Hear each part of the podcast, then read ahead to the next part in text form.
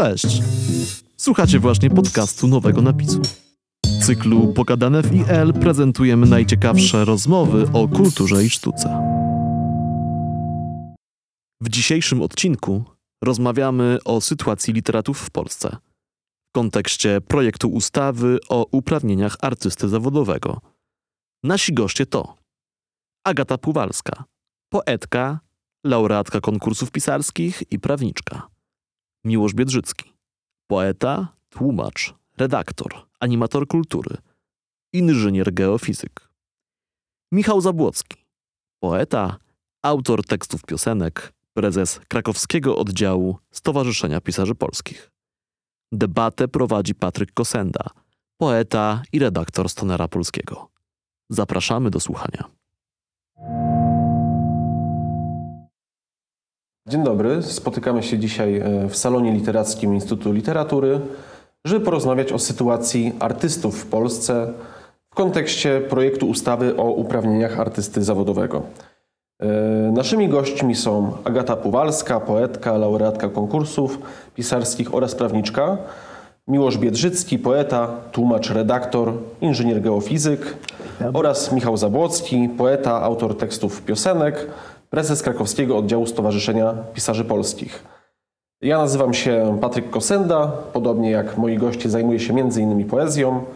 E, Witam Państwa, e, dziękuję za przyjęcie zaproszenia do naszej rozmowy. Pomyślałem, że ze względu na to, że wszyscy tutaj zajmujemy się e, poezją, to porozmawiamy oczywiście o projekcie ustawy, ale właśnie w kontekście sytuacji głównie poetów i poetek w naszym kraju. Zacznę od tego, że na stronie artystazawodowy.pl dostępny jest raport Policzone i Policzeni artystki i artyści w Polsce. Pracę przeprowadził kierowany przez profesor doktorę Ilczuk zespół badaczy skupionych w Centrum Badań nad Gospodarką Kreatywną Uniwersytetu SWPS. Na pytanie, kim w sensie zawodowym pan, pani się czuje, tylko 41% poetów i poetek odpowiedziało, że artystą. E, Większość uważa się po prostu za twórców. Dlatego chciałem zapytać Was, e, kim w sensie zawodowym się czujecie? Czy artystami? To ja może y, do pierwszego zdania, które padło, się odniosę. Zajmujemy się między innymi poezją, ale w świetle tej ustawy trzeba będzie wybierać. No bo artysta multidyscyplinarny jakby nie jest ujęty tutaj. Czyli my wybraliśmy, przyszliśmy tutaj, żeby porozmawiać o tym aspekcie, aczkolwiek możemy też spełniać różne funkcje.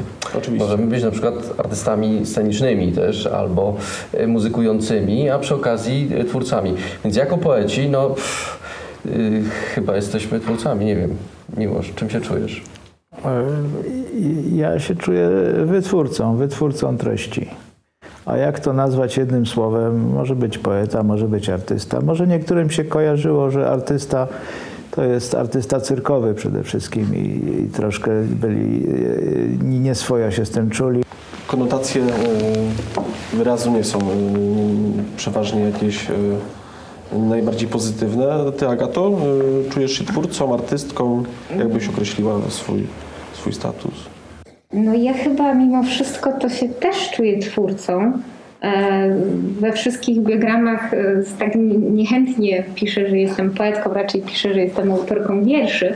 E, Może wynika to z tego, że poezją tak na poważnie zajmuję się stosunkowo od niedawna i, i dopiero w tym roku debiutowałam, więc może trochę wynika to z takiego jakiegoś znieśmielenia, że trochę trudno mi mówić, że tak, jestem poetką i jestem wielką artystką. Wydaje mi się, że, że, że bardziej świadczy to o jakimś dystansie do własnej osoby i do tego, co się robi. Natomiast mm, no na pewno te odpowiedzi y, będą zróżnicowane, bo w jakiś sposób y, wydaje mi się, że takie y, definiowanie siebie jako artysty, twórcy, wytwórcy czy wykonawcy, bo też takie określenie pada w tym raporcie, mm, no to y, jest też związane trochę z osobowością danej osoby. Mhm.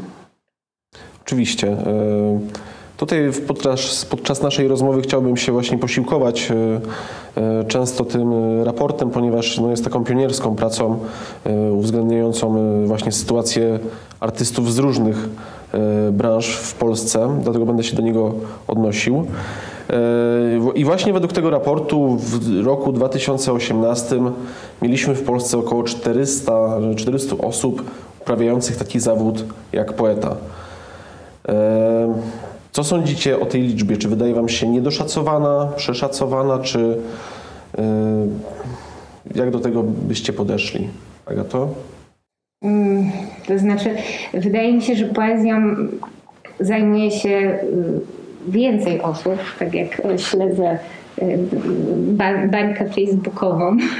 Natomiast i widzę różne osoby, które gdzieś tam publikują w e, czasopismach młodoliterackich i nie tylko swoje wiersze, to e, no, stwierdziłam, że, że jest to dużo większa grupa. Natomiast no, może to jest kwestia tego, że część osób nie, no, nie deklaruje siebie jako, jako osób wykonujących ten zawód, że jednak mimo wszystko ta interdyscyplinarność w dziedzinie sztuki, ale też w ogóle w życiu jest dużo większa i spora część osób, które Y, piszą wiersze, y, robią różne rozmaite jeszcze inne rzeczy, prawda? Mhm. No, poza tym y, samo słowo poeta jest tak obciążone, przeciążone właściwie można powiedzieć znaczeniami i jakimś takim e, nadęciem, powagą w związku z tym, e, z naszym tutaj e, przeważającym e, stylem czy modelem kultury, która jest wciąż postromantyczna, że wiele osób na pewno się krępuje określać siebie jako poetę, bo od razu jest obawa, że ktoś zapyta, a gdzie masz pelerynę oraz czy, ocali, czy ocaliłeś jakichś ludzi czy narody dzisiaj. Panie nie wiem, czy, bo tak z jednej strony rzeczywiście e, dużo więcej osób pisze, ale e, pytanie, czy, e, czy znalazłoby się rzeczywiście te 400 osób, 300, 200, 150 mhm. w ogóle, które tak naprawdę mogłyby o sobie powiedzieć, że są zawodowymi poetami. No co to znaczy tak naprawdę? To znaczy, że robią tylko to i z tego się utrzymują. Mhm. Małe prawdopodobieństwo to jest raczej tak, że poetą się jest y, z punktu widzenia podat, y, podatkowego, to poetą się jest dodatkowo, można powiedzieć. Można powołanie, można, można mieć pierwszoplanowe. Natomiast jeżeli chodzi o ustawodawcę, który, o którym tutaj będziemy rozmawiali za chwilę, no to, to liczy się to drugie. I tutaj mi się wydaje, że rzeczywiście może się okazać, że ta, ta ustawa w niewielkim stopniu tylko będzie dotyczyła poetów. Właśnie, jeżeli byśmy przeszli do rozmowy może o samym projekcie ustawy. Yy, wszyscy się z nim yy, zapoznaliśmy. Jakbyście mieli wskazać na jakieś yy, najciekawsze i na najbardziej pozytywne, pozytywnie wpływające na sytuację artystów w Polsce zapisy tej ustawy, ale również na jakieś y, być może przestrzelone albo niedoprecyzowane, to na co byście zwrócili y, najbardziej uwagę naszych widzów? Znaczy, wydaje mi się, że takim najistotniejszym elementem tej ustawy, albo może, może nie najistotniejszym, ale najbardziej oczekiwanym, to są te kwestie związane z systemem ubezpieczeń społecznych i z możliwością objęcia gron, większego grona artystów, którzy uzyskają ten status e, artysty zawodowego, właśnie ubezpieczeniem społecznym. Jak również możliwość uzyskania dopłaty do, do składki od opłacanej na ubezpieczenia społeczne czy też zdrowotne. Natomiast e, i wydaje mi się, że to jest taki, taki punkt e, no, z jednej strony najbardziej oczekiwany, trudny też do, do, do, do dobrego zrealizowania, wywołujący może też najwięcej kontrowersji. No, drugi punkt to są różnego rodzaju stypendia i zapomogi socjalne, które mogą być wypłacane z funduszu wsparcia. I tutaj y, właściwie y, to jest dla mnie nie do końca doprecyzowane, jak również niektóre kryteria, które zostały y, wprowadzone w przypadku tych stypendiów i właściwie zwłaszcza stypendiów, no są nie, nie tyle, że nieprecyzyjne, ale trochę mm, kładące nacisk na osobę twórcy, a nie koniecznie na, na wartość tego, nie wiem, dzieła literackiego czy czy poetyckiego, mianowicie takie kryterium jak na przykład e, wysoki poziom e, kultury i etyki społecznej, no to jest nie tylko kryterium bardzo płynnym, ale również e, no, mogącym wprowadzać dużą uznaniowość w przypadku przyznawania tych stypendiów. E, Znajdują się też e, zapisy dotyczące karty e, artysty zawodowego, ale to jest właściwie na razie tylko tak zasygnalizowane, bo do końca nie wiadomo, jakie uprawnienia będą z tej karty wynikały. Znaczy, tak naprawdę dowiemy się tego później, jak już zostaną te uprawnienia przyznane.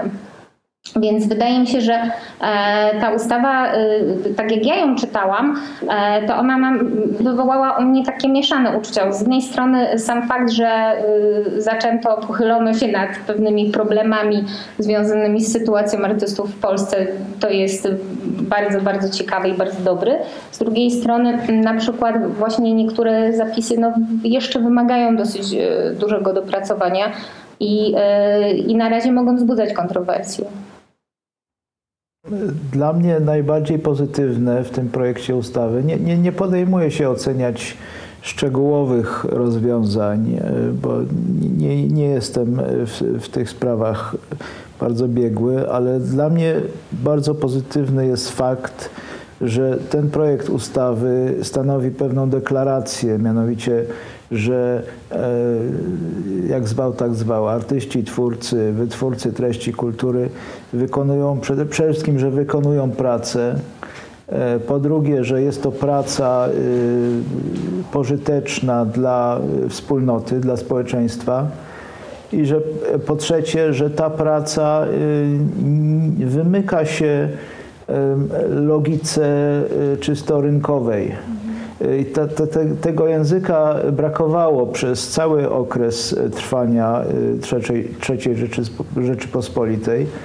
Y, Po części myślę dlatego, że osoby najbardziej aktywne i decyzyjne w tym pokoleniu, które, które przejęły władzę po 1989 roku, były zachłyśnięte takim em, modelem społeczeństwa, można powiedzieć w uproszczeniu reganowsko-taczelowskim. To wynikało z różnych przyczyn, y, uwarunkowań y, historycznych i tak. E, Wręcz y, niektórzy się posuwali, że do, dosłownie y, interpretowali słowa y, Margaret Thatcher, że nie istnieje coś takiego jak społeczeństwo, a już w ogóle kultura, no to oho, ho, y, myślenie było, przeważające myślenie było takie, że jest to po prostu inna, y, jeden z rodzajów y, działalności gospodarczej, że ktoś pisze wiersze, czy chce kręcić filmy, no to tak jakby produkował guziki. No jak nie sprzedają mu się te guziki, no to trudno. Znaczy, że potrzebuje wcześniej wstawać albo pójść na kasę y, do żabki i, i, to był koniec rozmowy. Także y, po raz pierwszy pojawił się taki wyraźnie słyszalny głos, że y, kultura jest ważna dla wspólnoty, a ci, którzy uczestniczą w jej y, no, nomen omen kultywowaniu, w tworzeniu nowych y, treści, y, wykonują y, pracę ważną dla ogółu. I to jest dla mnie y, zasadniczy pozytyw tego projektu. Tak, ja się zgadzam zdecydowanie, że to jest taki zmiana optyki w ogóle i podejście mm, e, bardziej zniuansowane, można powiedzieć, do, do y, tego, jak należałoby y, odbierać y, twórców, artystów w społeczeństwie które wyrosło już może trochę z, takiego, z takich pierwocin tego postkomunistycznego kapitalizmu, prawda? Gdzie to wszystko było y, y, trochę jak cepem, prawda? Na, na prawo i na lewo. Im prościej, tym lepiej. Tutaj pewne zniuansowanie ju- już widać. I mi się wydaje, że y, sam projekt trzeba oc- ocenić y, w ogóle y, bardzo dobrze, w sensie w sensie y, jakby kompleksowym. Y, To znaczy tak, sam fakt, że ma powstać y, Polska Izba Artystów, PIA, jest faktem bardzo ważnym, nie do przecenienia. Teraz, że ona ma przyznawać ten status artysty łącznie z tą kartą, prawda, która e, gdzieś, czym jej przypiszemy w takich czy innych rozporządzeniach więcej czy mniej uprawnień, to już jest inna sprawa. Ważne, że ona będzie, prawda, teraz znowu uposażenia e, emerytalne, czy one będą takie, czy inne, to już jest też troszeczkę drugoplanowa sprawa, ponieważ one są określane w innych, w innych aktach prawnych de facto w dużej mierze. E, tutaj dostajemy pewien taki no, e, szkielet, prawda? E, I jeżeli chodzi o, o takie to najogólniejsze pytanie, to najogólniejsza odpowiedź jest bardzo dobrze. Jak przechodzimy do szczegółów, no to, to już powiedzmy gdzieś tam można się czepiać, natomiast generalnie na tak. Przygotowując się do, do tej debaty, szukałem różnych materiałów, oczywiście właśnie na temat projektu ustawy.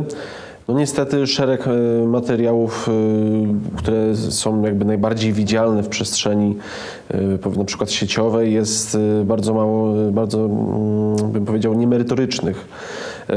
Zauważyłem, co nie jest jakąś niespodzianką, że bardzo dużo kontrowersji budzi ten zapis o mm, finansowaniu, tak, tutaj tego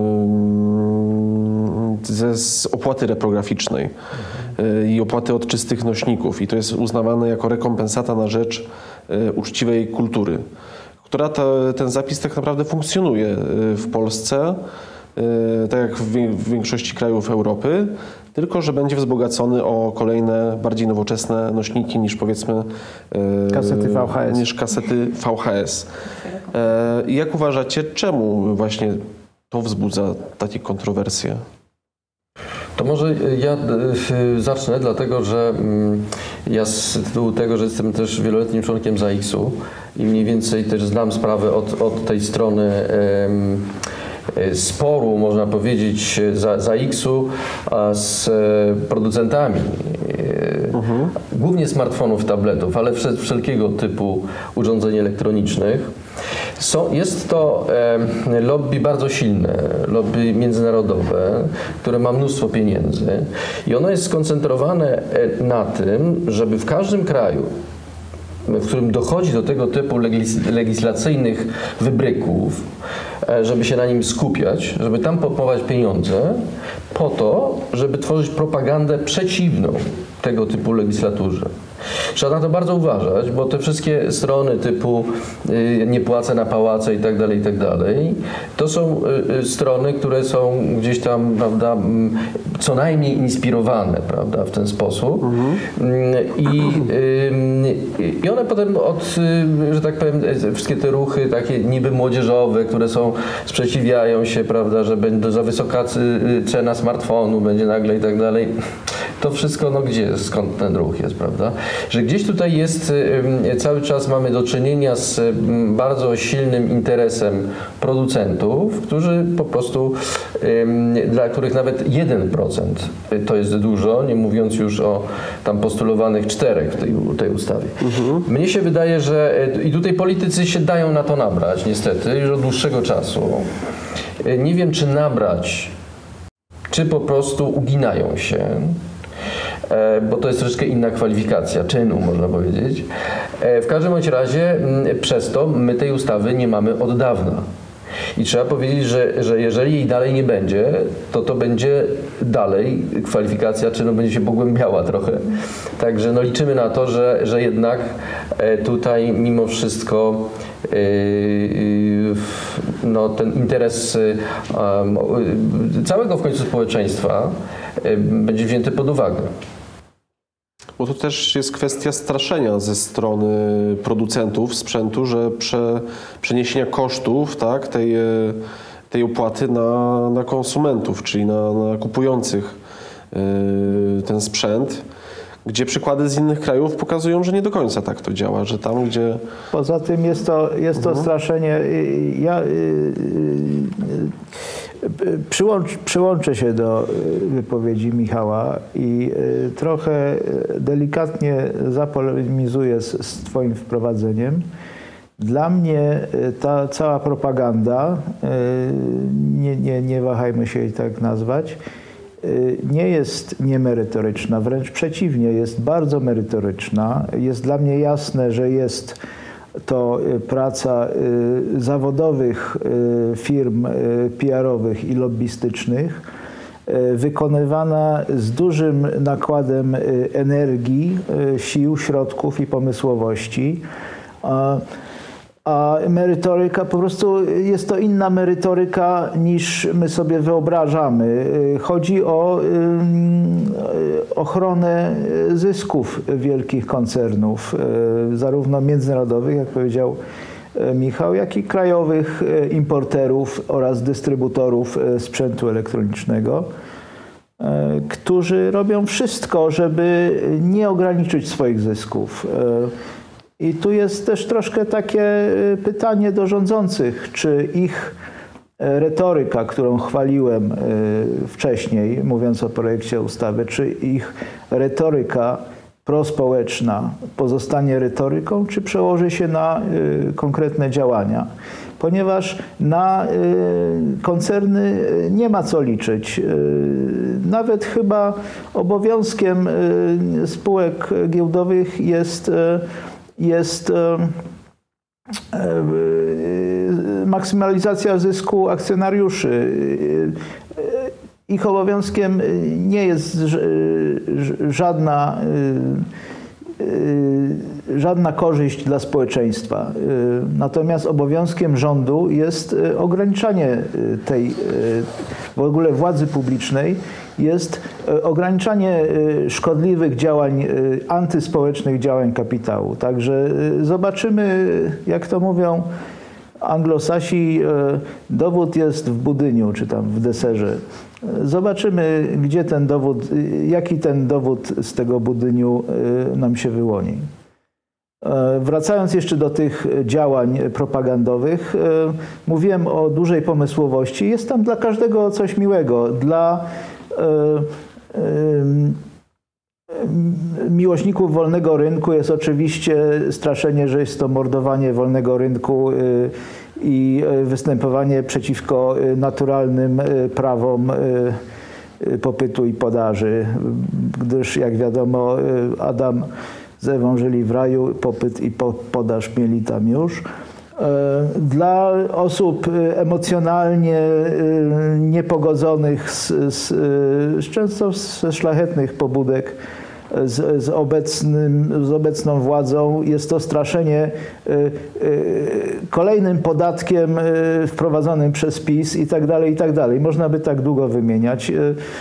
Ci ludzie kłamią bez zażenowania, bez krztyny wstydu i obowiązkiem, jeszcze raz powtórzę, władzy publicznej jest im w tym przeszkodzić.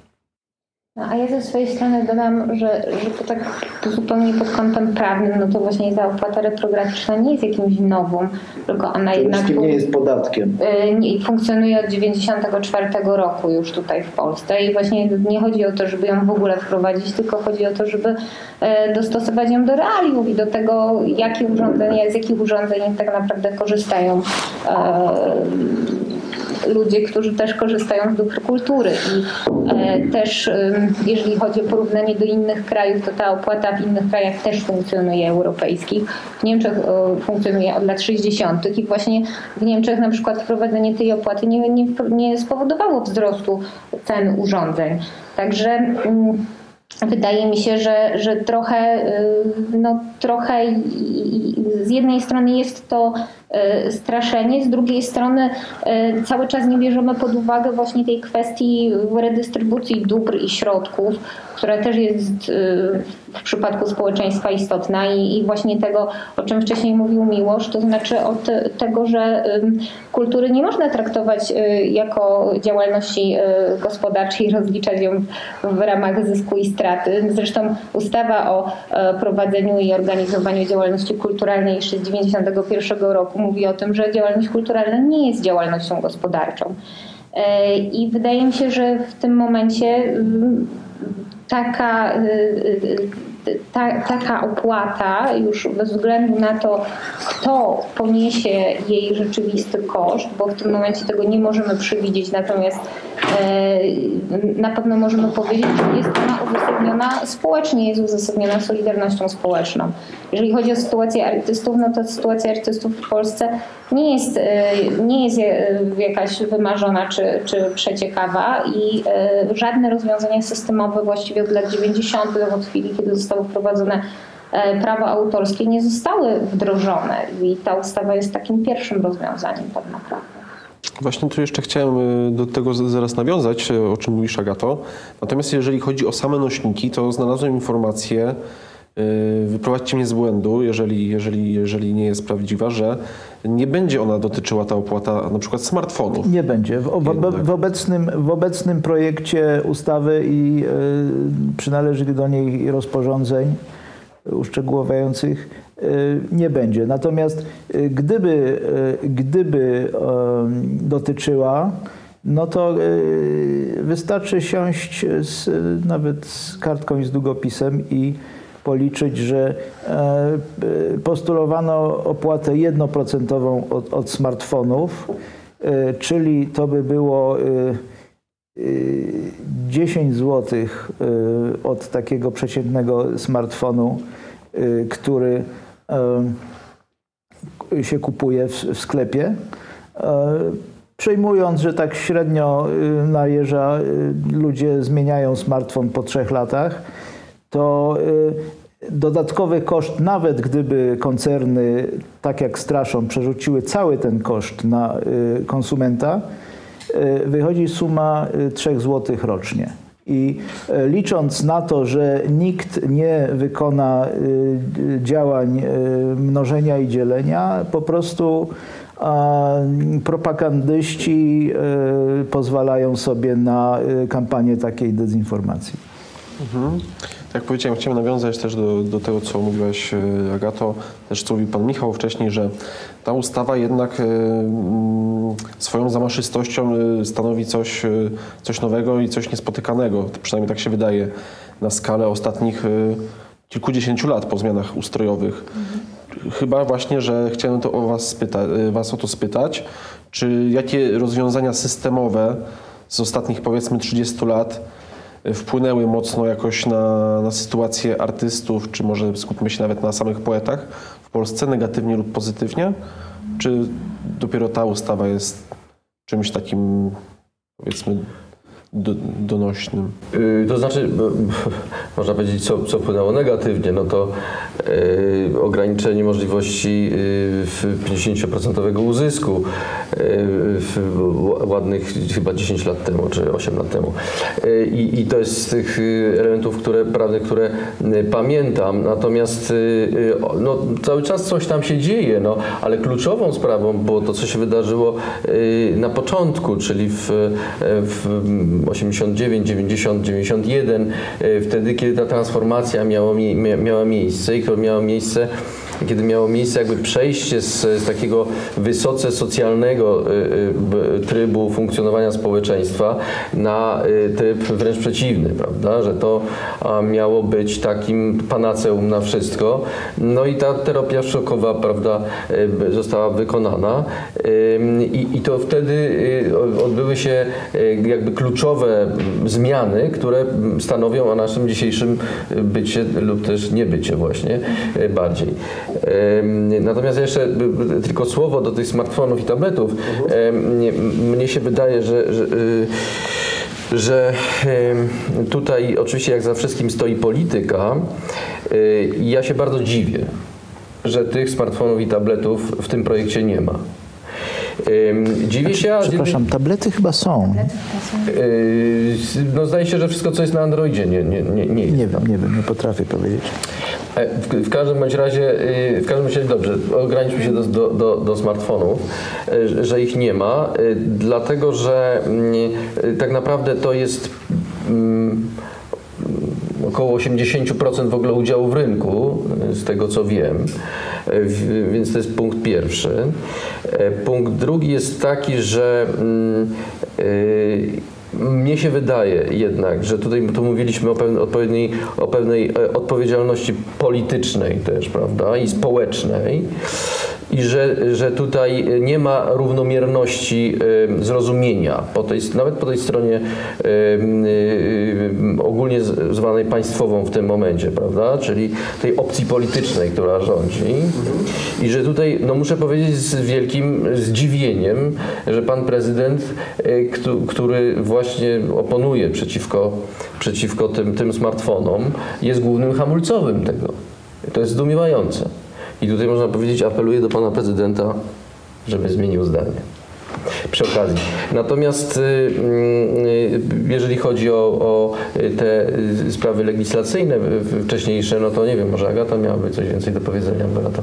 No Właśnie mnie się wydaje, że taką mm, e, naprawdę jedynym systemowym rozwiązaniem to była zmiana ustawy prawo o ochronie prawa autorskiego z 1952 roku, która praw twórców nie chroniła. Generalnie umożliwiała publikację czy rozpowszechnianie niektórych e, utworów bez zgody twórcy i prawo i właściwie głównym jej trzonem było bardzo roz, rozbudowane prawo cytatu a wprowadzenie tej ustawy z 1994 roku, która jednak w jakiś sposób zawiera dużo przepisów, czy, czy reguluje e, sposób o- ochrony tych praw. Natomiast e, na pewno nie było żadnych, żadnych systemowych rozwiązań dotyczących zarówno prawa pracy, jak i prawa zabezpieczeń społecznych. I właściwie z racji charakteru działalności artystycznej, tak naprawdę bardzo wielu twórców czy artystów funkcjonuje poza tym systemem ubezpieczeń społecznych, bo pracują na podstawie e, umowy o dzieło, wykonują swoją głównie działalność, albo nieraz i bez umowy. W związku z tym wypadają poza obszar tego systemu ubezpieczeń społecznych i e, bądź też mają tytuł do ubezpieczenia społecznego e, z, z, z tytułów zupełnie niezwiązanych z tą działalnością artystyczną.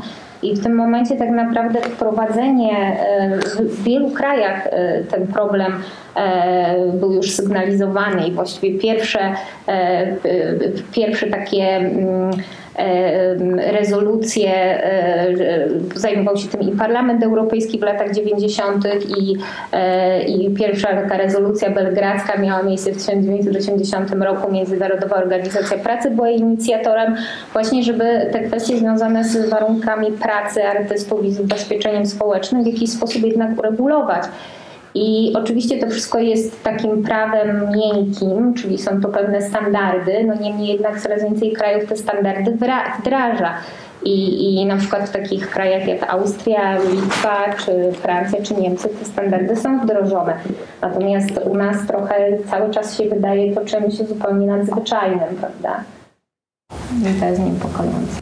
Ja, ja bym e, e, odpowiedział na Twoje pytanie, Patryku, w sposób e, jednocześnie e, trochę uszczegółowiający, bo bym się skupił na e, w szczególności e, twórcach literatury, a z drugiej strony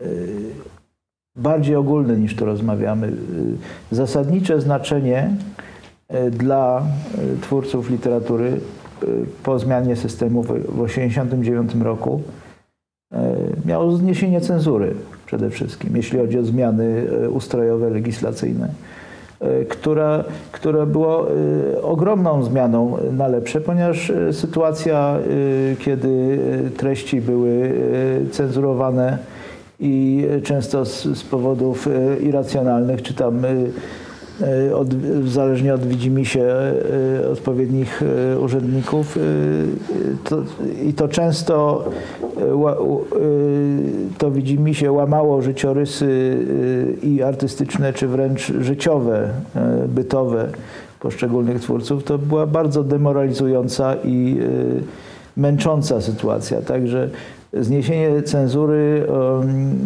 miało na pewno e, niezwykle e, taki uwalniający wpływ i, i, i, i pozytywny dla, dla nas, dla, dla twórców utworów słownych.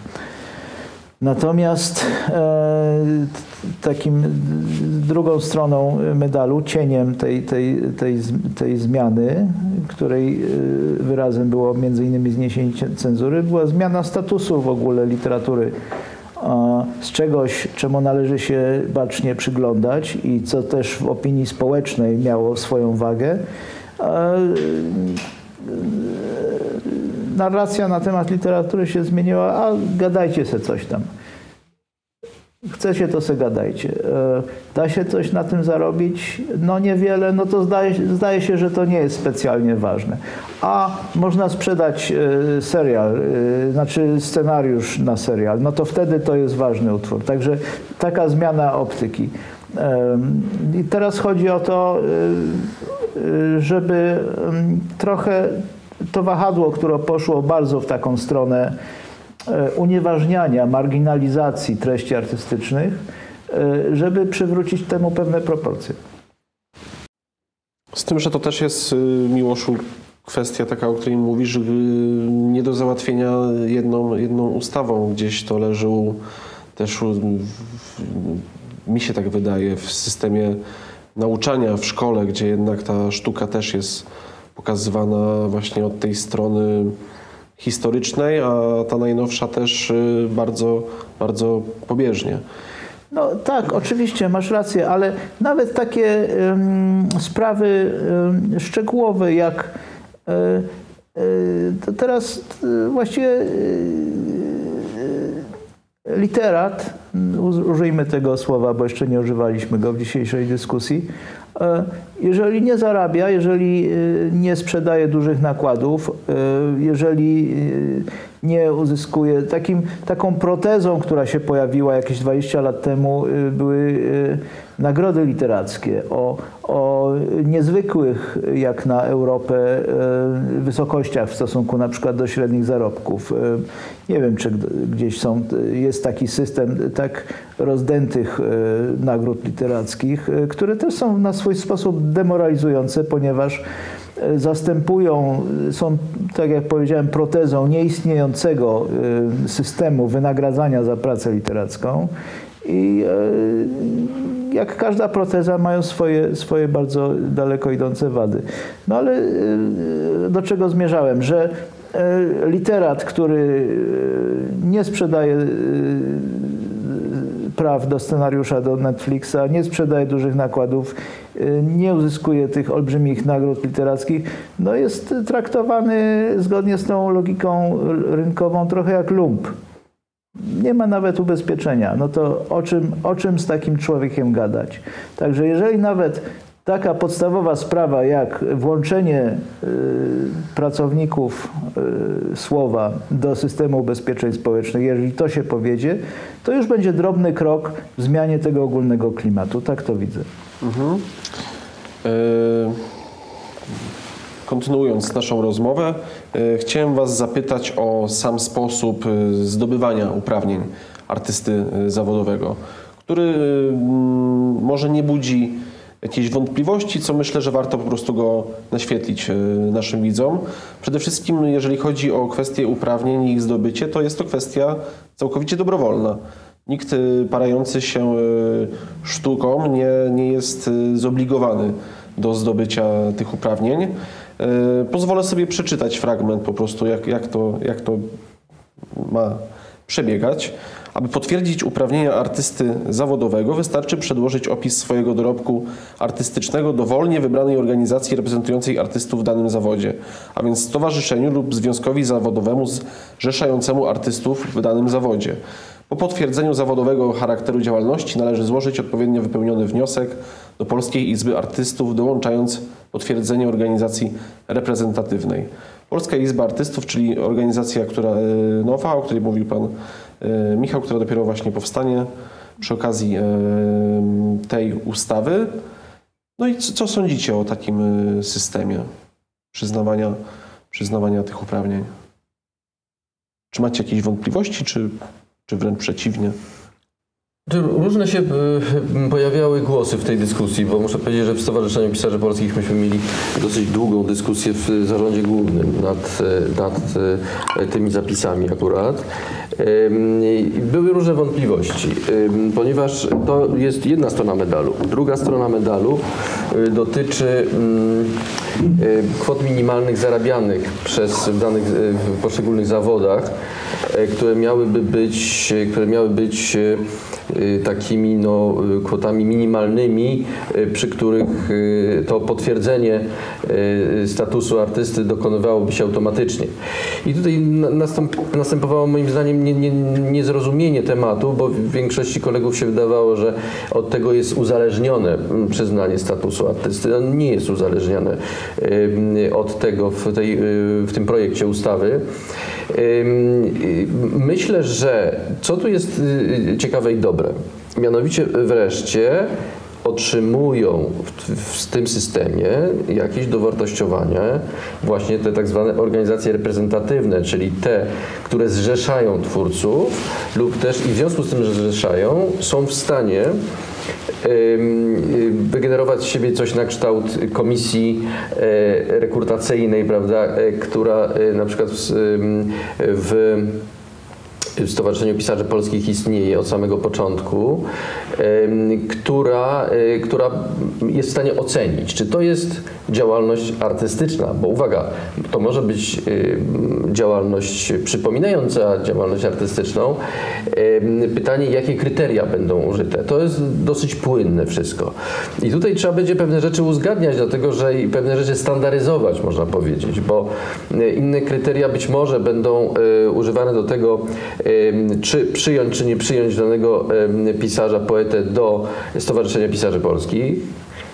Nie jest o to tak łatwo, wbrew pozorom. I teraz tutaj mamy konflikt interesów, ponieważ z jednej strony stowarzyszeniu zależy na tym, żeby być e, mm, stowarzyszeniem e, no, dobrych poetów i dobrych pisarzy, ale z drugiej strony ma być reprezentatywne. I teraz reprezentatywne znaczy ilościowo reprezentatywne. I to jest ewidentna sprzeczność interesów, prawda?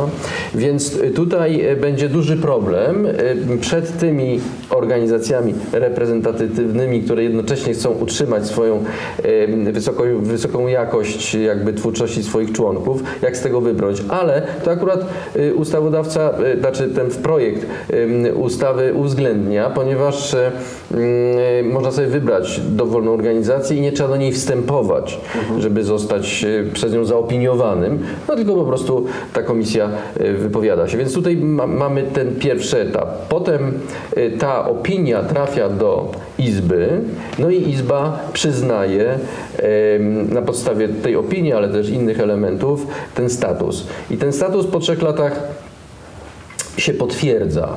I teraz się potwierdza go albo na poziomie Izby, e, izby swoim, że tak powiem, finansowym do- dorobkiem, prawda, dochodami, przypad, dochodami. W przypadku poetów to jest 14 tysięcy, w przypadku prozaików to jest chyba 50 pa- kilka tysięcy, o ile pamiętam. E, 40 kilka albo 50 kilka, tak? 40 kilka, tak. Y, I jeżeli się za- zarobi w, tym, w tej branży tyle pieniędzy, no to, y, no to mm, potwierdza się to automatycznie. Natomiast jeżeli nie, no to wracamy do organizacji reprezentatywnej i tam znowu ten trzyletni dorobek potwierdzamy, tak? Czy coś się wydarzyło takiego artystycznie, że tu możemy panu powiedzieć, że... I, i to jest jakby w miarę czytelne, tak? Z jednej strony mm, mm, istnieje wielu e, artystów, którzy e, tworzą praktycznie za 0 złotych, czyli nie posiadają dochodów z tego tytułu. E, I, I tutaj no, po prostu będzie organizacja reprezentatywna ich potwierdzać ich dorobek. E, Natomiast są też tacy, którzy zarabiają, no i po prostu to automatycznie będzie przyznawane przez Izbę. Więc tutaj mi się wydaje, że to raczej nie ma dziur w tym, w tym systemie, jeżeli chodzi o to. Tylko po prostu no, ciężko to zrobić na, pro, na poziomie projektu, tak? A kwestia właśnie, tak jak Pan mówi, standaryzacji później też. y, Samych decyzji, tak? Tak, w tym tak, sensie. tak, Y, No tak. y, Dokładnie, bo, bo tutaj może być jakby pewien, pewien dy, dy, dy- dysonans, powiedzmy, poznawczo, poznawczy wynikający z różnych właśnie gustów, standardów, prawda? Kto siedzi w komisji, kto jest za przeciwne. Można zmienić organizację reprezentatywną w każdym momencie. Poza tym, co, co, co ciekawsze, artysta może się odwołać do izby. Jeżeli nie dostanie od żadnej organizacji reprezentatywnej pozytywnej opinii, to może się odbywać do Izby. Izba też to prześwietli. Także tutaj mi się wydaje, że jest wielo, wielo, ta wielopoziomowość tego jest w miarę, w miarę y, gwarantuje to, że, że powinno to być sprawiedliwe. No ja, ja tutaj y, troszkę zre, zrelacjonuję takie głosy y, y, krytyczne, na które się natknąłem y, w sieci, w różnych miejscach. No, y, oczywiście y, były takie y, dosyć przede wszystkim podstawowa sprawa, że po pierwsze, że powstaje nowe ciało biurokratyczne, to, to, to było wymieniane. W szczególności przypominam sobie taki e, serwis e, Bezprawnik. E, To jest taki powiedzmy e, głos, e, taki e, spojrzenie na prawo. Nie wiem, Agata, czy też masz takie wrażenie pod względem takiego e, tak zwanego e, wolnorynkowego chłopskiego rozumu, że e, prawo to, że to, to wprawdzie nie jest tak, jak się przypisuje Leninowi, że kuch- kucharka powinna e, umieć rządzić państwem, że tutaj chłop, e, który wie jak jest, ocenia prawo. To jest właśnie taki serwis bezprawnik i tam właśnie, że jako jeden z bardzo krytycznych komentarzy było, że powstaje nowe ciało biurokratyczne, które będzie oceniać, kto jest artystą, kto jest nieartystą. E, W innym miejscu też było napisane, to, nawet dowcipne się pojawił taki, e, takie, taka zbitka słowna, że urzędasy będą przyznawać e, prawo jazdy na gitarę. E, no, tu myślę, że trzeba podkreślić e, dobrowolny, e, absolutnie dobrowolny charakter przystąpienia do tego systemu. Jeżeli ktoś e, potrzebuje pomocy, e, w szczególności na przykład w, e, w przystąpieniu do systemu e, ubezpieczeń społecznych, e, no to trudno. No, e, ka, ka, każdy rodzaj uprawnienia jest jakoś e, weryfikowany i regulowany tymi straszliwymi e, ciałami biurokratycznymi, e, które się składają z tych bardzo nielubianych przez niektórych e, urzędasów. Natomiast jeżeli ktoś pragnie być niezależnym artystą, to absolutnie nie ma żadnej, żadnej, e, żadnych przeciwwskazań, żeby był niezależnym od niczego i nikogo. No, y, ja tak jak patrzyłam na, na tę ustawę, to na początku, jak ją zaczęłam czytać, to rzeczywiście większość przepisów, przy, przynajmniej na początku tej ustawy, są przepisy dotyczące utworzenia Polskiej Izby Artystów. Moje pierwsze wrażenie było takie, rzeczywiście jest tworzone nowe ciało biurokratyczne i czy rzeczywiście ono y, jest, y, jest potrzebne, czy nie da się tego inaczej zorganizować. Natomiast na pewno wydaje mi się, że no, y, w jakiś sposób, znaczy jest wybór między, tak naprawdę między dwiema e, sytuacjami. Albo mówimy, że każdy, kto oświadczy, że jest artystą zawodowym, to jestem artystą i dostaje dopłaty i uprawnienia e, artysty zawodowego, tak jest w niektórych krajach, no ale w tym przypadku wydaje mi się, że podniosłoby się jeszcze większe larum społeczne, że ktoś oświadcza, że jest poetą i w żaden sposób nie jest to weryfikowane. E, Poza prawda? tym e, wszyscy, przepraszam, że ci wejdzie, wejdę słowo, e, e, wszyscy um, tak zwani Janusze biznesu by się zdeklarowali jako artyści Artyści.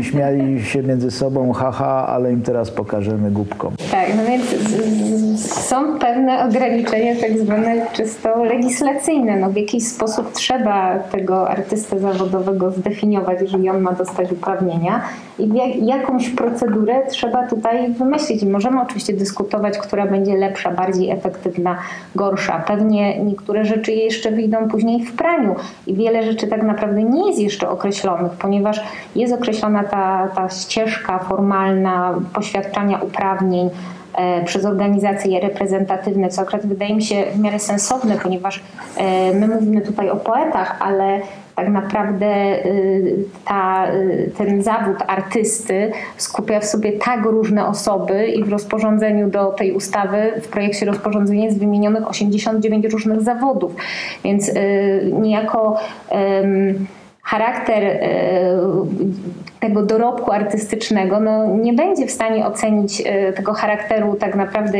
jakaś jedna izba, tylko właśnie te organizacje reprezentatywne, które tak naprawdę są zorientowane w konkretnym środowisku związanym z konkretnym zawodem, prawda? Natomiast e, wydaje mi się, że, e, że w tym momencie no,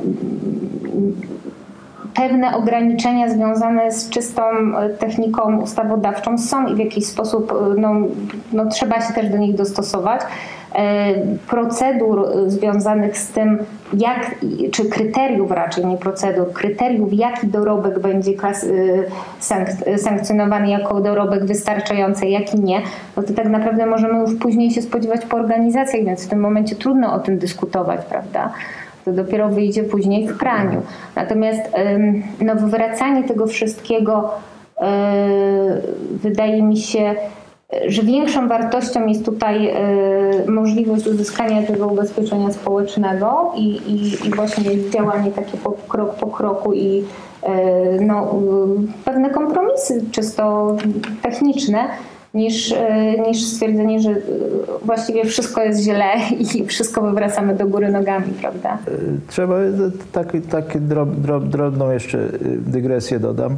Faktycznie pod względem językowym nazwy takie jak Polska Izba Artystów trochę przywodzą na myśl te dwa okresy historyczne, które wydają się być inspiracją dla obozu y, obecnie rządzącego, to znaczy okres sanacji oraz y, okres PRL-u. Można to kojarzyć z takimi tworami jak y, Polska Akademia Literatury, która była planowana w, w, w, w, reżimie sanacyjnym, czy różne cechy krawców oraz rzemiosł pokrewnych, które były, funkcjonowały, właśnie miały takie funkcje administracyjno-biurokratyczne w PRL-u. Y, No ale trudno, no, zwał jak zwał. Y, Nie podejmuje się tego oceniać. Można uznawać, że to jest troszkę obciachowe, czy jak to mówi młodzież teraz, że jest to cringe'owa. Ale y, wolę się skupiać na, na ogólnym przekazie. Natomiast szczegółowe, szczegółowe rozwiązania oczywiście są, po to są konsultacje społeczne, żeby osoby, które się orientują w sposobie um, załatwiania takich rzeczy, żeby mogły się wypowiedzieć i miejmy nadzieję y, poprawić, ulepszyć ten projekt. Mm, Tak odnosząc się do, do, do, do, do Waszych wypowiedzi, to, to o czym mówił Pan Michał, że mm, przedłużenie, tak, potwierdzenie po trzech latach y, tych uprawnień, no, wydaje mi się kluczowe, że nie jest uzależnione od, y, od dochodów. Jednak y, odniosę się znowu do, do wspomnianego raportu. Y, I według tego raportu w 2018 roku średnie zarobki poety y, wynosiły 2250 zł miesięcznie, gdzie i tak ten zawód poety znajduje się wśród 10 najgorzej opłacanych zawodów artystycznych. Gdzie powtarzam, jest to średnia, ale wciąż kwota ponad 2000 zł miesięcznie z, samych, y, z samej twórczości poetyckiej wydaje się y, nieco przeszacowana. E, Więc jeżeli ta, te pod, przedłużanie tych e, uprawnień odbywałoby się tylko na podstawie e, dochodów artystycznych, no to większość poetów, poetek byłaby skazana tutaj na niepowodzenie. Także No nie, nie, bo to jest dwa miesięcznie, a tu jest 14 tysięcy w ciągu trzech lat. Tak. W obecnym projekcie. Także no, y, 5 tysięcy to pi- 500 zł miesięcznie trzeba byłoby na wierszach zarabiać. No, to jest realistyczne, można powiedzieć. Okej, no to tutaj się, tutaj się zgodzę. E, Na koniec e, chciałem Was zapytać, e, podsumowując, wydaje mi się, że wszyscy jesteśmy tutaj zwolennikami tej, tej ustawy. Czy będziecie się ubiegać o uprawnienia artysty zawodowego? Nie potrafię powiedzieć. Naj, najpierw niech ta ustawa zostanie uchwalona, miejmy nadzieję, i y, wejdzie w życie. No, myślę, że wszyscy w trójkę y, mamy też y, inne zawody poza zawodem inżyniera słów. No i zobaczymy. No, co, do, do, co do siebie mogę powiedzieć, że to wyjdzie w praniu. Natomiast e, bardzo się cieszę, że moja córka, która w zeszłym roku em, obroniła dyplom e, w Akademii Sztuk Pięknych i zaczęła niełatwą, e, nie, niełatwą drogę życiową no, artystki, powiedzmy sobie szczerze, będzie miała taką możliwość. Także bardziej się cieszę z jej okazji niż nawet ze swojej. To znaczy, no nie wymagał od Was jakiejś deklaracji, pytam z ciekawości. Nie no, ja, ja mogę powiedzieć tak, że, że tutaj odnosząc się do tego, co Miłosz powiedział, ja akurat y, y, uprzytomniłem sobie, że ja nie mam innego zawodu. To znaczy, że ja żyję tylko z pisania. No Y, i z tantiem umówmy się. No właśnie, ale o, do tego chciałem y, też, y, jak to się mówi, wypić teraz, bo myśmy mówili... Mogę ci nalać. E, Bardzo proszę. Myśmy mówili tutaj o statusie e, artysty, e, o korzyściach, które z tego płyną, ale nie mówiliśmy nic o tym głównym przepływie pieniędzy, który będzie z tych prawda, nośników e, do, do twórców, w jaki sposób to się będzie dokonywało. Więc to się będzie dokonywało przez organizację zbiorowego zarządzania. I teraz tutaj trzeba powiedzieć bardzo mocno, że e, dlaczego w ogóle te smartfony, tablety i w ogóle wszystkie urządzenia to jest istotna, istotna sprawa, bo to nie padło. Y, Dlatego, że y, powiela, powielają twórczość, prawda, nie tylko poetów, pisarzy, ale wszystkich zawodów wszystkich artystycznych i bez żadnych opłat dostarczają to do odbiorcy konsumenta, tak? I ten człowiek, który kupuje smartfon przez sam akt kupna, staje się niejako właścicielem ogromnej ilości danych artystycznych, które krążą w sieci, za które nie płaci ani złotówki. I teraz e, e, to dołożenie tej 3 zł w ciągu roku, prawda, do, nawet jeżeli by to miało obciążyć portfel tego, tego konsumenta, to jest dlatego, żeby zrekompensować jakość, prawda? Co zrekompensować? No to, że już piosenek, czy tam filmów, czy nie odtwarza się w tradycyjny sposób, przestaje się chodzić na nie do kina, przestaje się płacić bilety, już inaczej krążą pieniądze. Czyli mówiąc krótko, y, na każdy system finansowy musi y, y, nastąpić reakcja legislacyjna, która jakby zmieni troszeczkę sposób wynagradzania tych artystów i tylko o to chodzi, o nic więcej.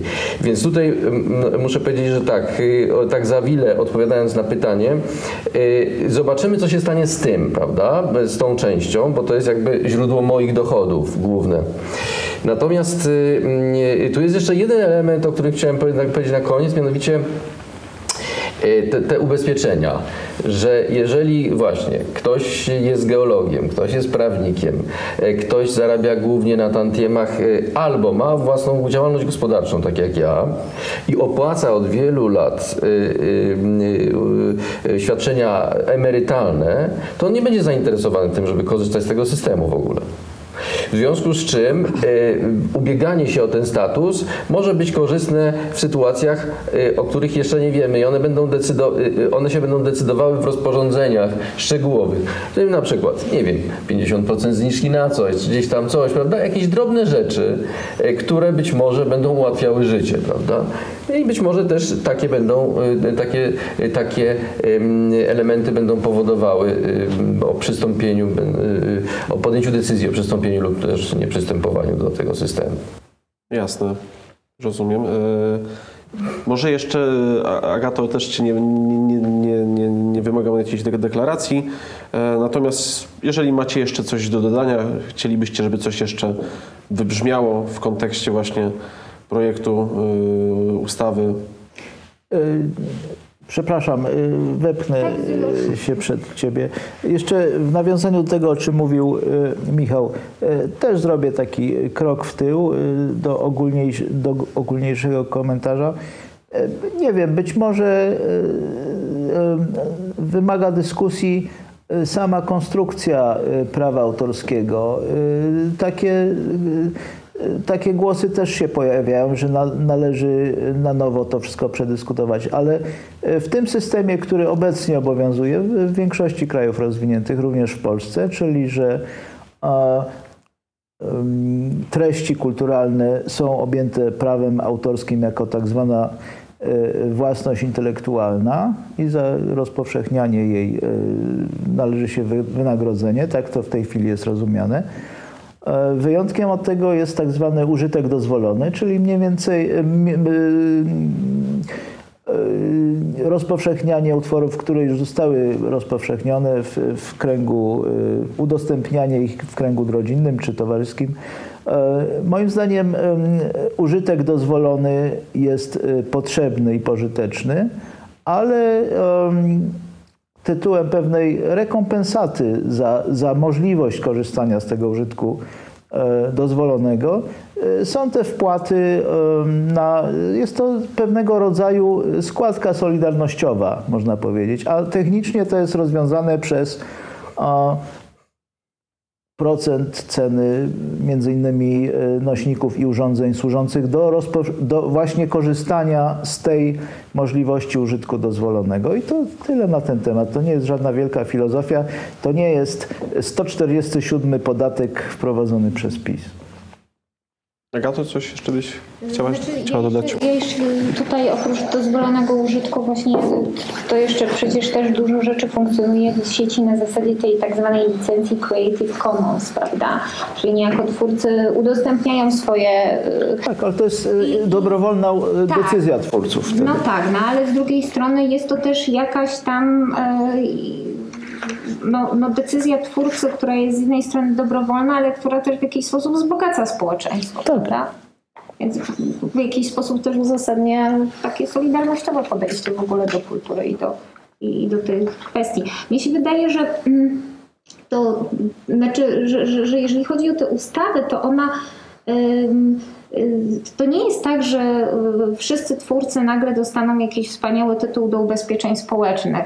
E, Generalnie nie chodzi o to, żeby wszystkim dać e, nie wiadomo jakie, właśnie może to też jest źle nieraz odbierane w, w takiej dyskusji społecznej, e, ja- jakieś niesamowite uprawnienia czy, czy preferencje, wszystkim, apanarze. Tak, naprawdę chodzi o y, wzmocnienie tych artystów, którzy rzeczywiście y, są w bardzo trudnej sytuacji i, y, i, i nie wszyscy artyści, y, którzy y, nie wiem, mają inne zawody albo którzy na przykład w ramach wykonywanej działalności artystycznej dobrze sobie e, radzą finansowo, bo nie, niestety to, to bardzo różnie wygląda. Nie zawsze sukces artystyczny łączy się z sukcesem finansowym. Wygląda to bardzo różnie. Natomiast no nie znaczy to, że nagle wszyscy skorzystają na tej ustawie, ale może nie o to chodzi w tym momencie, żeby skorzystali w bardzo dużym zakresie wszyscy, tylko chodzi o wzmocnienie środowiska z jednej strony właśnie y, y, tych osób, które y, najbardziej potrzebują objęcia tym systemem ubezpieczeń społecznych, a z drugiej strony właśnie, tak jak tutaj rozmawialiśmy o tych dodatkowych uprawnieniach czy beneficjach związanych z kartą, no to to się dopiero będzie kształtowało. Na razie trudno o tym powiedzieć, ale może być to też cenne dla środowiska. Natomiast trudno powiedzieć, jaki będzie tego zakres. Właśnie. Jeszcze jedna rzecz. Jak już tak sobie tutaj drążymy różne takie mm, em, sprawy y, naokoło, naokoło tego. To, że y, te, y, na przykład, że te dopłaty do składek ubezpieczeniowych mają być finansowane z tej opłaty reprograficznej, y, to jest moim zdaniem y, bardzo pozytywny sygnał, bo to nie, y, chcę, żeby to było bardzo jasno powiedziane, to nie idzie z budżetu państwa, to idzie z pewnej puli pieniędzy, które są przeznaczone dla twórców, ogólnie rzecz biorąc. I teraz twórcy, w uproszczeniu biorąc, twórcy usiedli razem i powiedzieli, to są nasze pieniądze e, i postanawiamy się nimi podzielić z kolegami, którzy y, są, mają bardzo małe dochody. I teraz na pytanie y, też, które się pojawia w tej debacie publicznej, dlaczego artyści mają być uprzykrzone, dlaczego całe społeczeństwo ma się na nich zrzucać? Wcale tak nie jest. To sami twórcy podjęli taką decyzję podzielenia się swoimi przy, przychodami z gorzej, z, gorzej sytuowanymi e, kolegami. Jeżeli e, zwolennicy e, wolności gospodarczej zadający to, takie pytanie e, usiądą wszyscy razem, wszyscy Janusze biznesu i, po, i powiedzą zrzucamy się na najbardziej nieudacznych Januszy biznesu, żeby nie klepali bidy, wtedy będą mieli prawo do zadawania takich pytań. A przede wszystkim e, uzyskają takie prawo, jeżeli pr- przestaną e, przeinaczać podstawowe fakty. Mi się wydaje, że, że tutaj jeszcze na, na zakończenie mogę powiedzieć, że e, tutaj szczegółów oczywiście nie będę ujawniał, bo nie ma na to czasu, ani, ani, ani też, e, e, ani też e, internet e, nie jest jednak e, miejscem, które wchłonie wszystko, e, szczególnie w momencie recepcji przez, e, przez przeładowanych e, oglądaczy.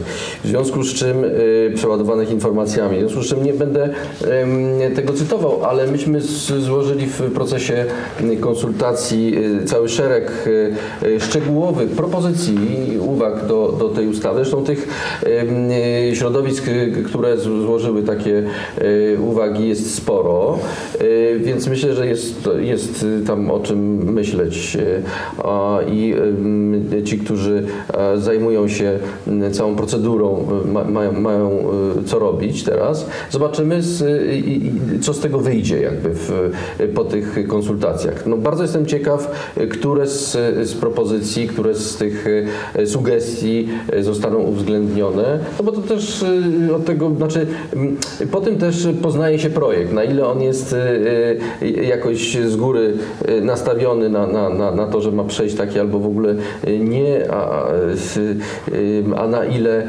jest on po prostu elastyczny i, i ludzie, którzy za nim stoją są elastyczni i ten, ale tutaj myślę, że, że, że wola, jest, e, wola jest dobra i, e, i generalnie zjawisko pozytywne.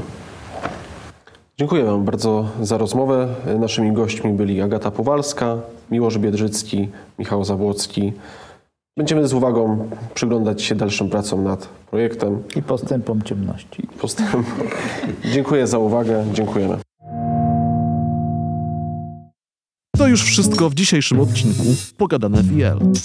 Na kolejny zapraszamy już niebawem. Jeśli spodobał Wam się ten podcast, to zachęcamy do obserwowania nas na Spotify i w innych mediach społecznościowych. Na Facebooku, na Instagramie i na YouTubie, do których linki znajdziecie w opisie. Do usłyszenia wkrótce.